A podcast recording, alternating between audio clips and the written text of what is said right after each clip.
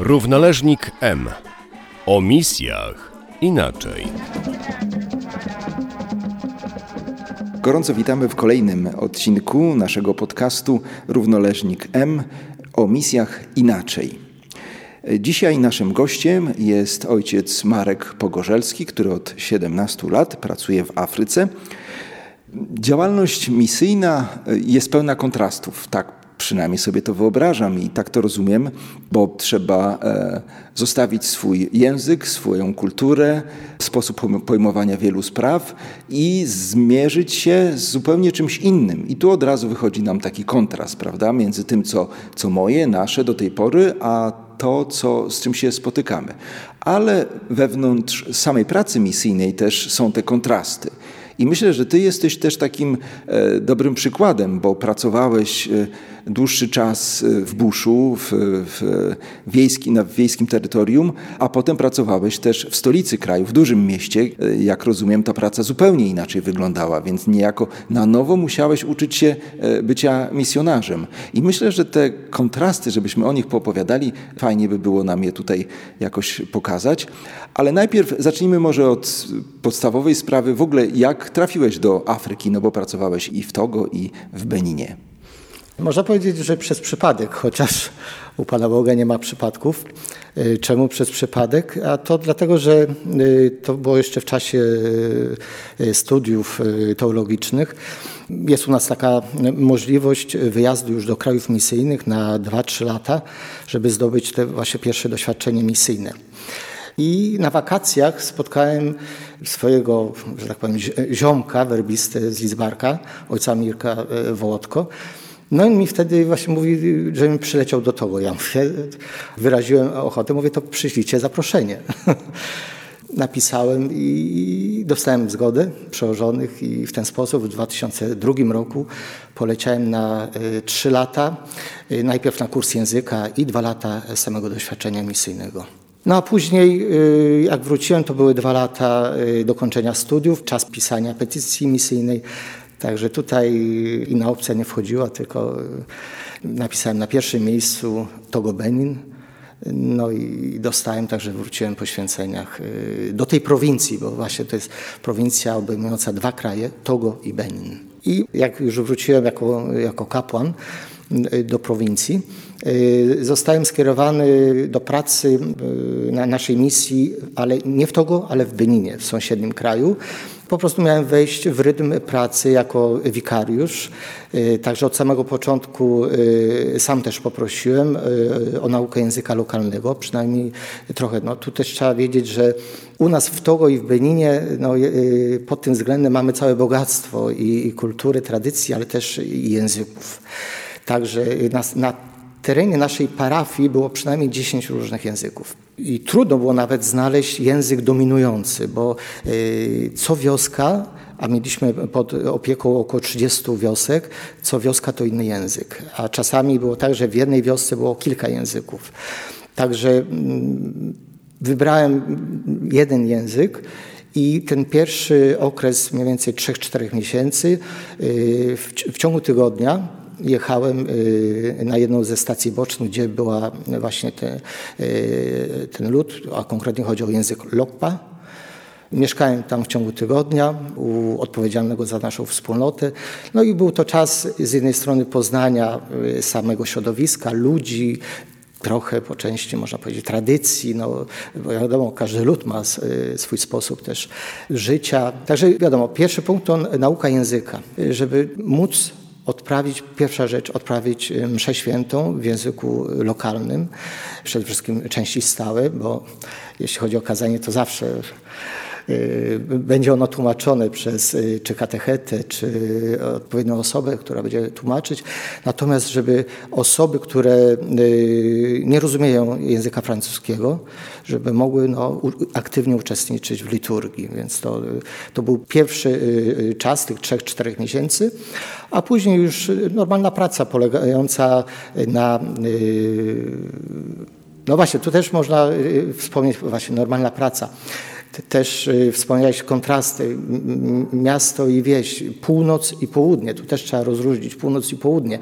Y, czy to będzie Togo, czy to będzie Benin, jest podobna sytuacja, że południe kraju było wcześniej obecność misjonarzy była wcześniejsza i ta ewangelizacja y, trwa dłużej w porównaniu do terenów północnych. To jest jedna rzecz.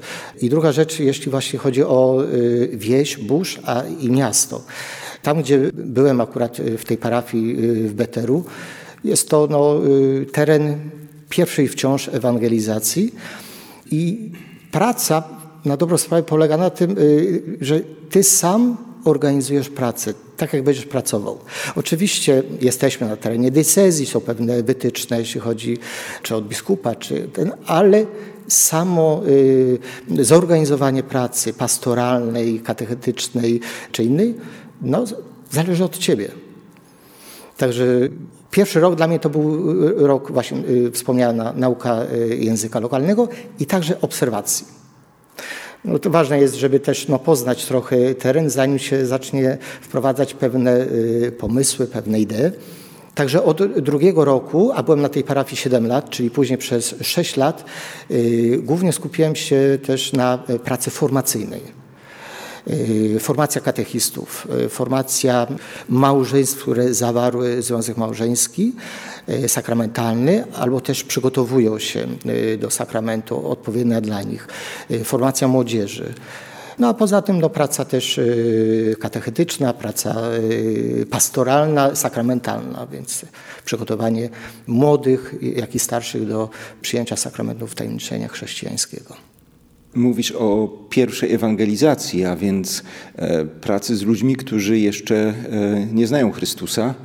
E, więc i jak trudno było im przejść z tych swoich wierzeń, uwierzyć w Chrystusa, no i, i stać się po prostu chrześcijanami. No, przyjęcie religii chrześcijańskiej, katolickiej też no, nie jest czymś łatwym dla nich. Z wielu, z wielu względów. To znaczy też chodzi o samą na przykład monogamię. Powiedzmy tak, jest, jest, wiele osób, które zapisują się na katechezę, wielu z nich kończy. Jeśli to są osoby młode, przyjmują sakramenty, te pierwsze, no, te trzy sakramenty wtajemniczenia chrześcijańskiego, a więc chrzest, bierzmowanie i Eucharystię. To jeśli chodzi o osoby młodsze. Osoby starsze, no problem pojawia się wtedy, gdy oni już mają, są w jakiejś relacji z, z drugą osobą. Mają żonę czy męża. W przypadku mężczyzny, który y, kończy okres katechumenatu, kiedy ma więcej niż jedną żonę. Bo żeby móc przyjąć y, te wszystkie sakramenty, począwszy od chrztu, no musi się zobowiązać właśnie uregulować e, e, sytuację. To jest e, już tutaj o wiele trudniejsze. Także jeśli spojrzy się na statystyki, na nasze księgi parafialne, to rzeczywiście możemy się pochwalić liczbą ochrzczonych, bierzmowanych, ale jeśli chodzi o księgi małżeństw, to jest to wielki problem. Podczas siedmiu lat, kiedy byłem na tej parafii, dosłownie mieliśmy kilka, e, nie wiem, cztery, pięć ślubów. To pokazuje, że no jednak e, zerwanie z jednej strony z poligamą, która w jakiś sposób jest i dozwolona, praktykowana w kulturze tradycyjnej i też przyjmowana przez islam, więc no, tu, tu jest pewną trudnością. Wspomniałem, ludzie młodzi, którzy przyjmują te trzy sakramenty, w późniejszym czasie oczywiście wiążą się z, z drugą osobą, y, są dzieci, ale jeśli chodzi o zawarcie związku małżeńskiego, no to często odkładają to na później. Podając oczywiście pewne y, powody, dla, dla których, no ale y, tego nie czynią, no ale to często jest odkładane na później. A co było takie najtrudniejsze w tym czasie, przez te pierwsze 7 lat, gdzie, gdzie pracowałeś w Beninie? Co tam było y, dla ciebie osobiście najtrudniejsze, albo z czym musiałeś najbardziej się zmagać? Trudność, z którą y, się zmagałem i myślę, że nieraz zmagamy się nadal jako misjonarze, to właśnie ta nieznajomość języka lokalnego konkretnie. Oczywiście warunki życia, e, jakie mieliśmy, bardzo proste przez, przez te 7 lat, e, bez prądu, bez, e, woda była, ale więc takie rzeczy akurat mi nie stwarzały żadnego problemu, czy nawet właśnie mieszkanie u ludzi, zwyczajnie w domku pokrytym suchą trawą. Mówię, to, to problemu nie stwarza. Największy problem to rzeczywiście jest kontakt ludzi, bo to no, na, nasza praca, nasze bycie tam no, no polega na, na, bezpośrednim kontaktu y, z ludźmi. Jeśli to było też y, dla, dla mnie, dla nas jest problemem, a często jest też dla, dla wiernych, jeśli nie potrafią y, do nas dotrzeć bezpośrednio, nie potrafią się wysłowić. I bardzo często właśnie na terenach wiejskich czy w buszu osoby najstarsze, które nie chodziły nigdy do szkoły, no, żeby z nami porozmawiać, przedstawić swój problem, Y, zawsze no, muszą mieć kogoś ze sobą, kto będzie tłumaczyć. No dobrze, a jeśli chodzi o spowiedź? Dobre pytanie. Były spowiedzi, są spowiedzi y, ludzi, którzy przychodzą i y, nie rozumiem. Oczywiście my udzielamy rozgrzeszenia, ale to Pan Bóg przebacza. Także dla mnie taka spowiedź, y, w której akurat nie rozumiem y, grzechów, jest momentem powierzenia tej osoby konkretnie. Y, moja też modlitwa powierzenia osoby miłosierdziu Bożemu. Pan Bóg sam zna serce tego człowieka. Czasami może być tak, że czy nawet i w Polsce. Możemy wszystko zrozumieć, co osoba powiedziała, ale jeśli osoba nie jest szczera, to też jaka jest różnica między spowiedzią taką, a, a, naszą, którą może nie zrozumiemy, a osoba rzeczywiście przychodzi i, i czasami i, też widać i łzy, i, i, strach, i jakieś takie przejęcie osoby, widząc no, szczerość danej osoby. Rzeczywiście no, je, szkoda i, jest taki no, żal, że nie można przy takiej spowiedzi zwrócić się do osoby, powiedzieć chociaż kilka słów. Ale tu też y, a propos takich y, spowiedzi, to zaznaczę, że ważne jest też formowanie osób, to znaczy przygotowanie osób do sakramentów y, właśnie w czasie katechumenatu. Najczęściej czynią to katechiści w języku lokalnym i stawianie nacisk na to, na sakrament pokuty, żeby osoby wiedziały, na czym polega ten sakrament i jak się przygotować żeby właśnie nie, nie, nie było takiej sytuacji, kiedy, kiedy, y, którą miałem y, w Togo jeszcze w czasie OTP, że słyszałem, że akurat osoba, która przychodziła i zamiast mówienia grzechu mówiła tylko spowiadam się Bogu Wszechmogącemu. Także tu jest ważne przygotowanie najpierw osób, a później co się dzieje, to już, to już też Pan Bóg działa i, i, i Pan Bóg przebacza. No to wróćmy do tych kontrastów. Także to są te tereny wiejskie, a teraz przejdźmy do terenów miejskich, do dużego miasta. Co było dla Ciebie z kolei najtrudniejsze, kiedy rozpocząłeś ten drugi etap e, swojego życia? To przestawienie się e, z tej pracy e, wiejskiej na terenach buszu z tymi wieloma językami i teraz zaczynasz zupełnie nową pracę w nowym środowisku, nowych okolicznościach. E, czy trudno było się przestawić, odnaleźć się w tych nowych warunkach? Nie było to czymś e, jakoś bardzo trudnym, aczkolwiek musiałem e, no, przyzwyczaić się do nowych warunków. Tak jak wspomniałem, w buszu ty sam niejako robisz program Twojej pracy, ustalasz to, co będziesz robił, kiedy będziesz robił. Też trzeba wiedzieć, że y, praca w parafiach wiejskich najbardziej intensywna jest w porze suchej, kiedy to ludzie no, y, są w domu. Kiedy zaczyna się pora deszczowa, właśnie jesteśmy y, obecnie w porze deszczowej, Także te wszelkie nasze działania, formacje przestajemy organizować, gdyż no, naturalnie deszcz pada, i, i, ludzie idą w pole, często całe dnie spędzają, także trudno y, oczekiwać, że, żeby ludzie mogli odpowiedzieć na nasze zaproszenie, na jakieś spotkanie, na właśnie jakąś formację. Także jest więcej czasu niejako wolnego dla nas. Nie jest to wolny czas, bo wtedy akurat y, mamy czas na przygotowanie czegoś na, na y, y, kolejną porę suchą. Natomiast y, przejście do miasta to jest tak, że się wchodzi już w schemat. Tutaj w stolicy, jeśli chodzi o, y, o Lomę, to już jest od ponad 128 lat, jesteśmy obecni i Kościół już jest niejako dosyć dobrze uformowany. Także dla mnie to, to takie stresujące było, że musiałem y, codziennie rano wstać na czas. Wstawałem zawsze. To nie to, tylko to jest tak, że jak jest, jest się na wiosce, to jak się 5-10 minut spóźni, no nie ma problemu, bo i ludzie się spóźniają. Często jest tak, że my czekamy na ludzi, y, żeby rozpocząć mszę świętą. Natomiast tutaj jest program, i konkretnie, jeśli msza o 5.45, to ta msza ma się zacząć. Ludzie przychodzą, a często to są ludzie, którzy pracują w różnych urzędach, y, uczniowie, rano, tak, przychodzą. Także z naszej strony i y, jest godzina różnicy między Togo Beninem, więc ja rozpoczynałem dzień w Beninie o 7 Tutaj, no oczywiście trzeba było wstać po 6, 6.30. Tutaj w Togo jest o, o 5. Więc to już tak psychologicznie trzeba było się nastawić, że trzeba wcześniej wstawać, więc stresujące troszkę było.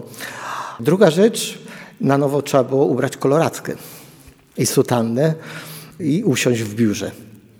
Jest to też charakterystyczne, jeśli chodzi o, y, o Lomy i, i, i miasto, że y, od wtorku do piątku, praktycznie do soboty, y, cały dzień no my siedzimy w biurze.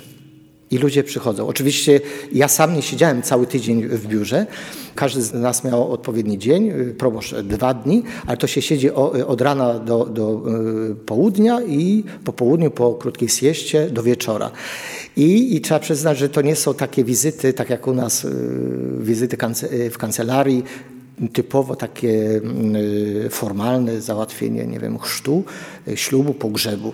Często jest tak jak u lekarza. Ludzie jest bardzo dużo, siedzą i czekają, po kolei wchodzą, przychodzą z różnymi problemami osobistymi, z problemami rodzinnymi. Y, żeby porozmawiać, żeby poszukać y, właśnie wsparcia, pomocy, jakiegoś drogowskazu.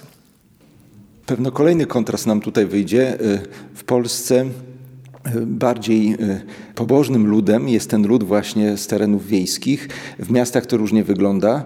Czy taka sama analogia jest tam? Czy to samo zaobserwowałeś?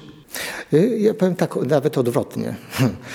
Y, co prawda nie znam, y, nie mam doświadczenia, y, jeśli chodzi o parafie wiejskie na południu.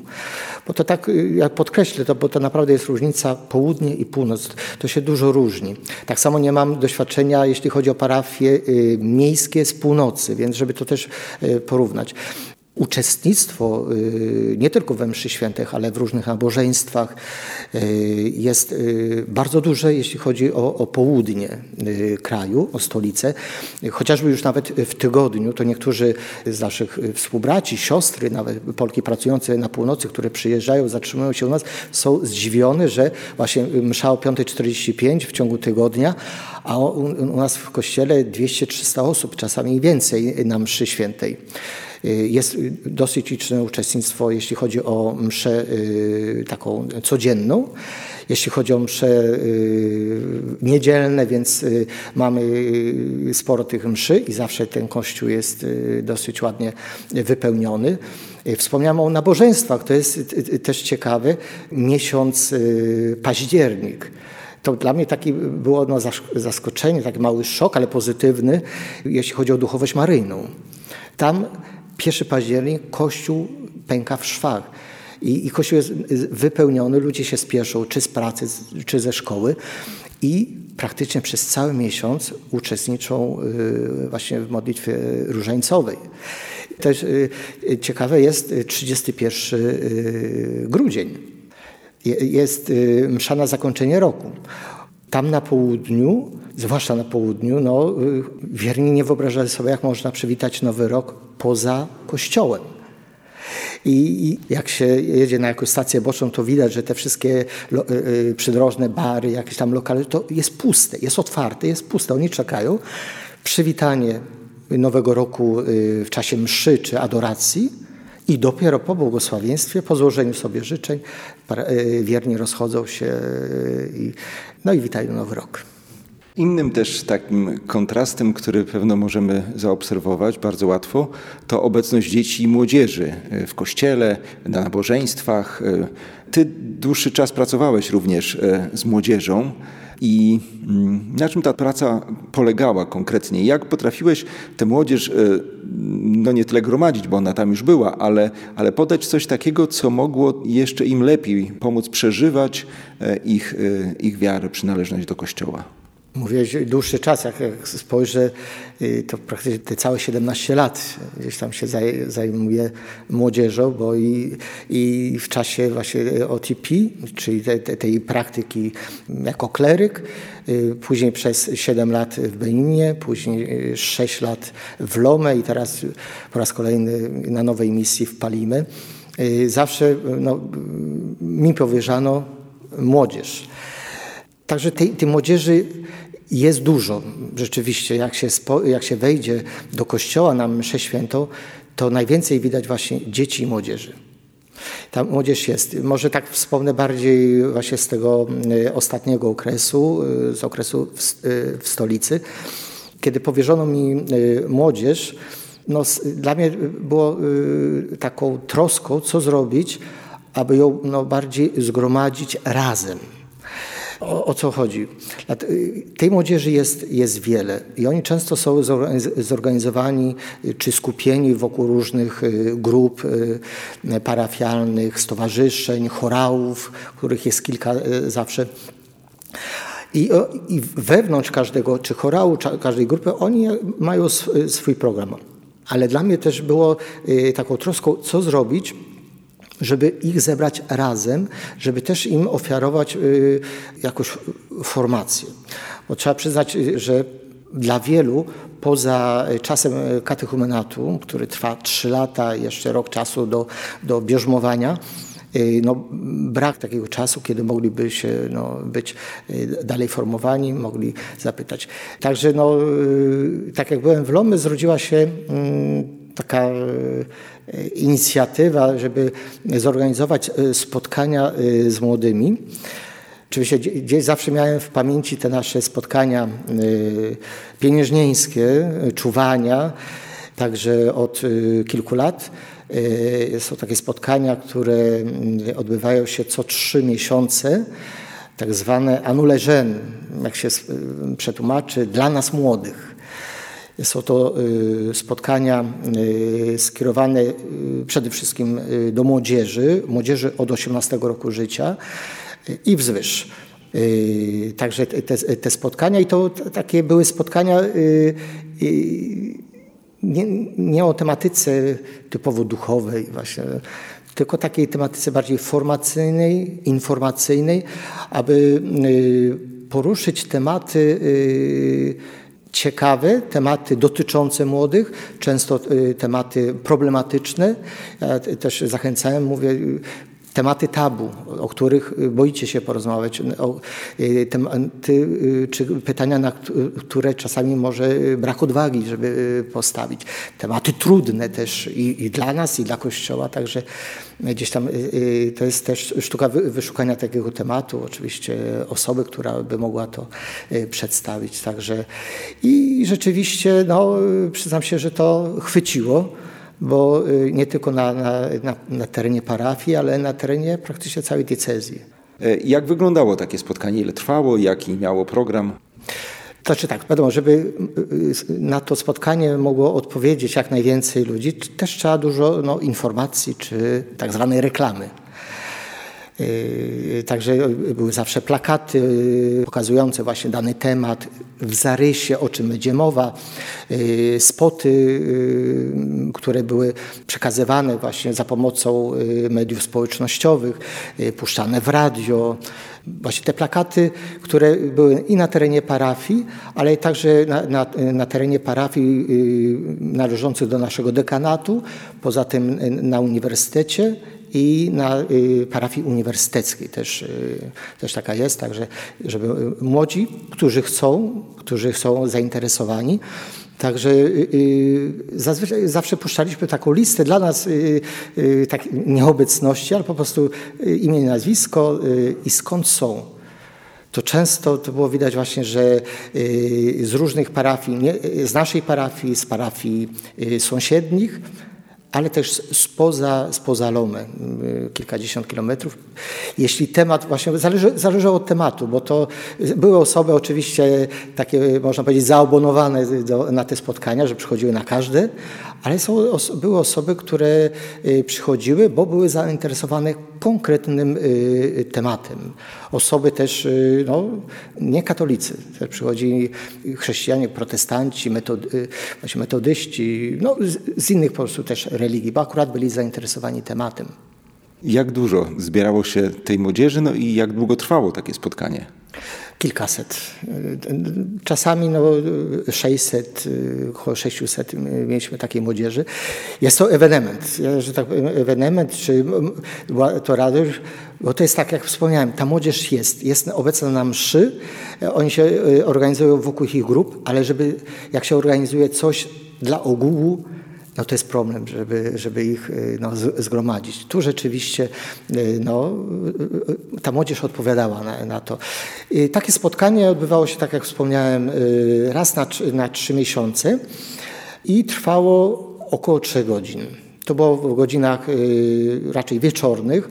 Rozpoczynaliśmy o 18.30, kiedy osoby no, właśnie już mogły wyjść ze szkoły, z uniwersytetu czy z pracy i, i żeby mogły dotrzeć i tak mniej więcej do godziny 21. Czasami, no właśnie to trzeba, najczęściej było trzeba ucinać, no bo to jest takie spotkanie, które polegało na tym, że zapraszaliśmy y, ekspertów. Też może, jeśli y, spojrzy się na powodzenie tych spotkań, no właśnie w czym tkwiło, bo to wielu księży, też duszpasterzy pytało, no właśnie, jak to robisz? Mówi Mary, jak to robisz? Bo to jest podstawa rzecz, no, dobry temat, ale też y, osoba, która to przedstawi, no, jakiś ekspert, bo y, czasami możemy mieć wrażenie, że my wszystko wiemy na każdy temat.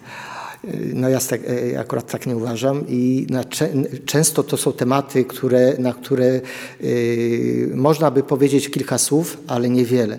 Można oczywiście się przygotować, zrobić tak zwane ekspozy, ale jeśli dojdzie do y, części takiej mm, interaktywnej, znaczy do, do pytań y, z bo zawsze jest ta y, część, żeby osoby uczestniczące mogły właśnie za, zadać pytanie, żeby ta dyskusja się rozwinęła, że tylko przedstawienie tematu, konferencja i później ta rozmowa, udział osób uczestniczących.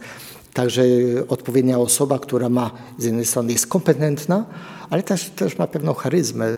A jakie były to tematy, tak z ciekawości zapytam, które tak przyciągały tych młodych ludzi?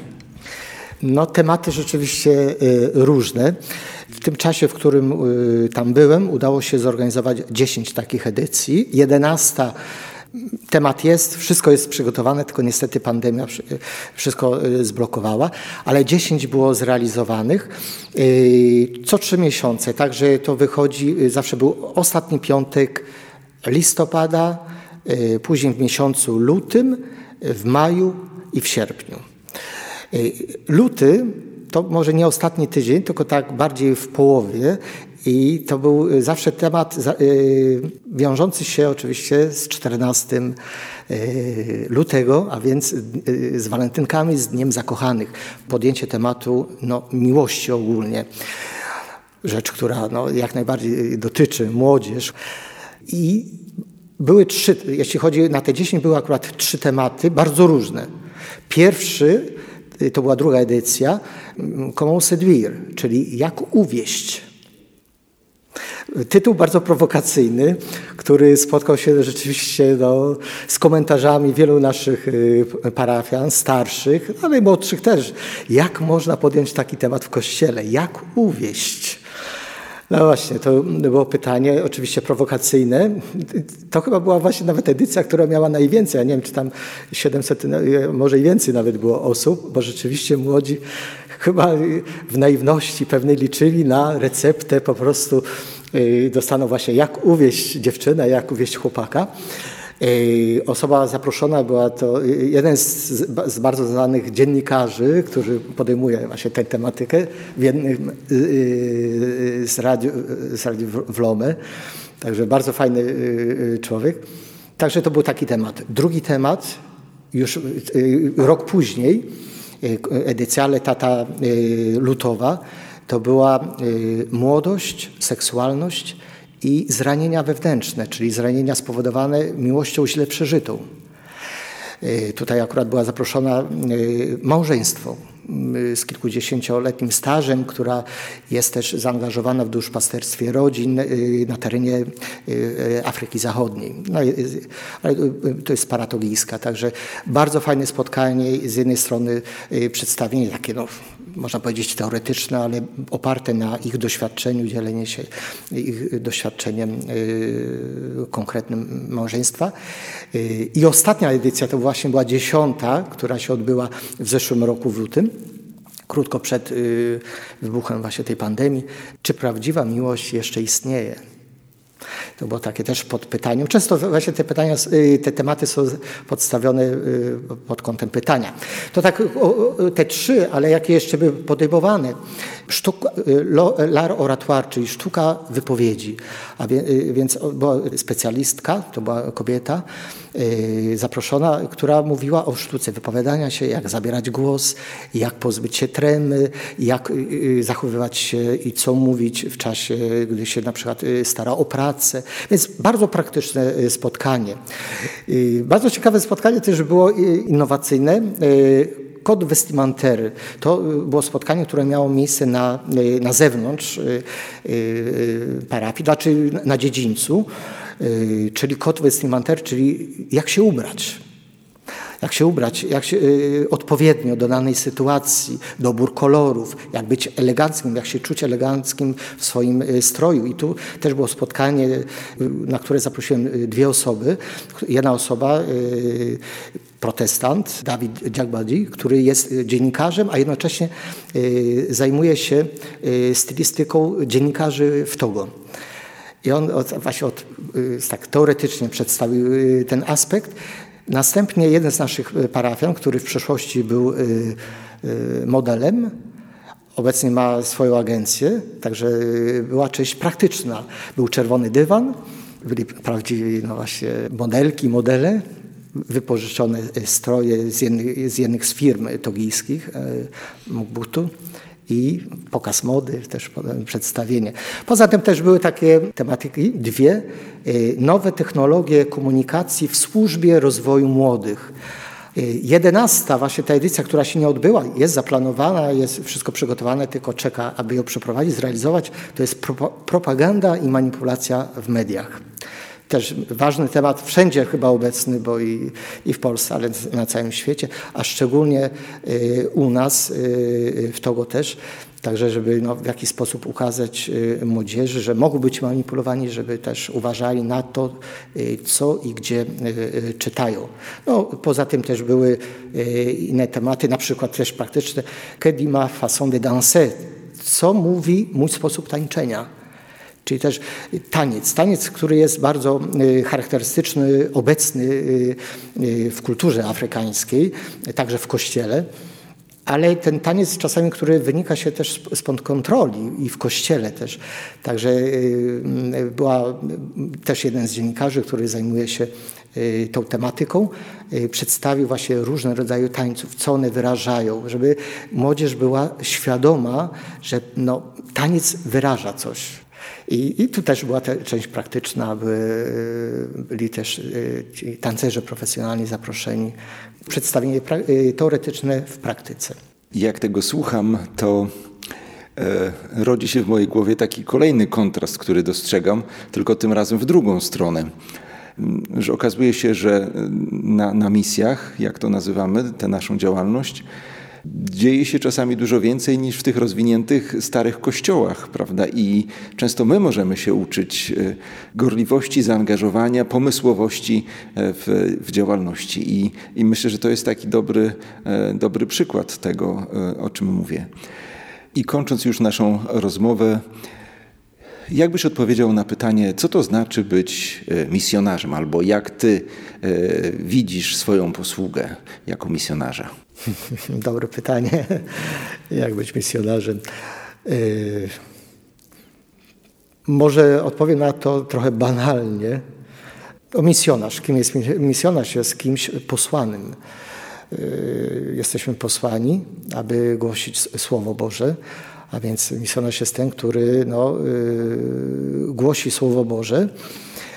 Oczywiście to głoszenie Słowa Bożego jest, może mieć różne aspekty. To akurat można widzieć właśnie już we wspomnianym wcześniej e, przypadku ojca Mirka Wołodki, który akurat przez media, czy przez e, dystrybucję Biblii, literatury biblijnej, bo może na co dzień nie jest zaangażowany w duszpasterstwie, ale są różne głoszenie e, Słowa Bożego, dobrej nowiny. I i to, co drugie jest, właśnie tak mówię trochę z jednej strony banalne, ale to jest tak bardzo prawdziwe y, też y, świadczenie, takim no, świadectwem, autentycznym życiem, pokazywanie w naszych relacjach z drugim człowiekiem, że nie tylko y, z ambony, czy w czasie katechezy, czy w czasie jakiejś formacji, kiedy nauczamy, kiedy przekazujemy to Słowo Boże, ale też to Słowo Boże jakoś wypływa w naszym życiu, w naszych relacjach i z, z drugim człowiekiem, właśnie z wiernymi, czy, czy też nawet w, na, w, naszych relacjach. To też jest ważne, bo ludzie też nas widzą, obserwują, widzą jak to jest w naszych wspólnotach, w naszych y, właśnie tych ekipach, w, których pracujemy. Także y, to jest to właśnie y, głoszenie i świadczenie. To tak mi się trochę kojarzy właśnie to słowo apostoła świętego Jakuba, mówiąc o wierze i uczynkach. Y, kiedy mówi, no, wiara bez uczynków jest martwa, to powiem tak, że y, głoszenie Słowa Bożego bez świadczenia o nim życiem może nie tyle jest nieowocne, bo jednak no, do nas należy głoszenie Słowa Bożego, nawracanie nie do nas, a do Pana Boga, ale dużo y, skuteczność, mi się wydaje, pomagamy Panu Bogu, jeśli rzeczywiście jest, ten, jest to życie tym Słowem Bożym, jakieś takie właśnie wcielanie tego, co głosimy, w konkretnym y, postępowaniu codziennym. Także no. Życzymy więc Tobie, żeby po tych y, trudnościach zdrowotnych, które tutaj, z którymi się tutaj borykasz, oby jak najszybciej się skończyły i żebyś mógł wrócić do tego głoszenia i dawania świadectwa w tego jak najszybciej. Szczęść Boże i wszystkiego dobrego, Marku. Szczęść Boże, Bóg zapłać. Dzięki.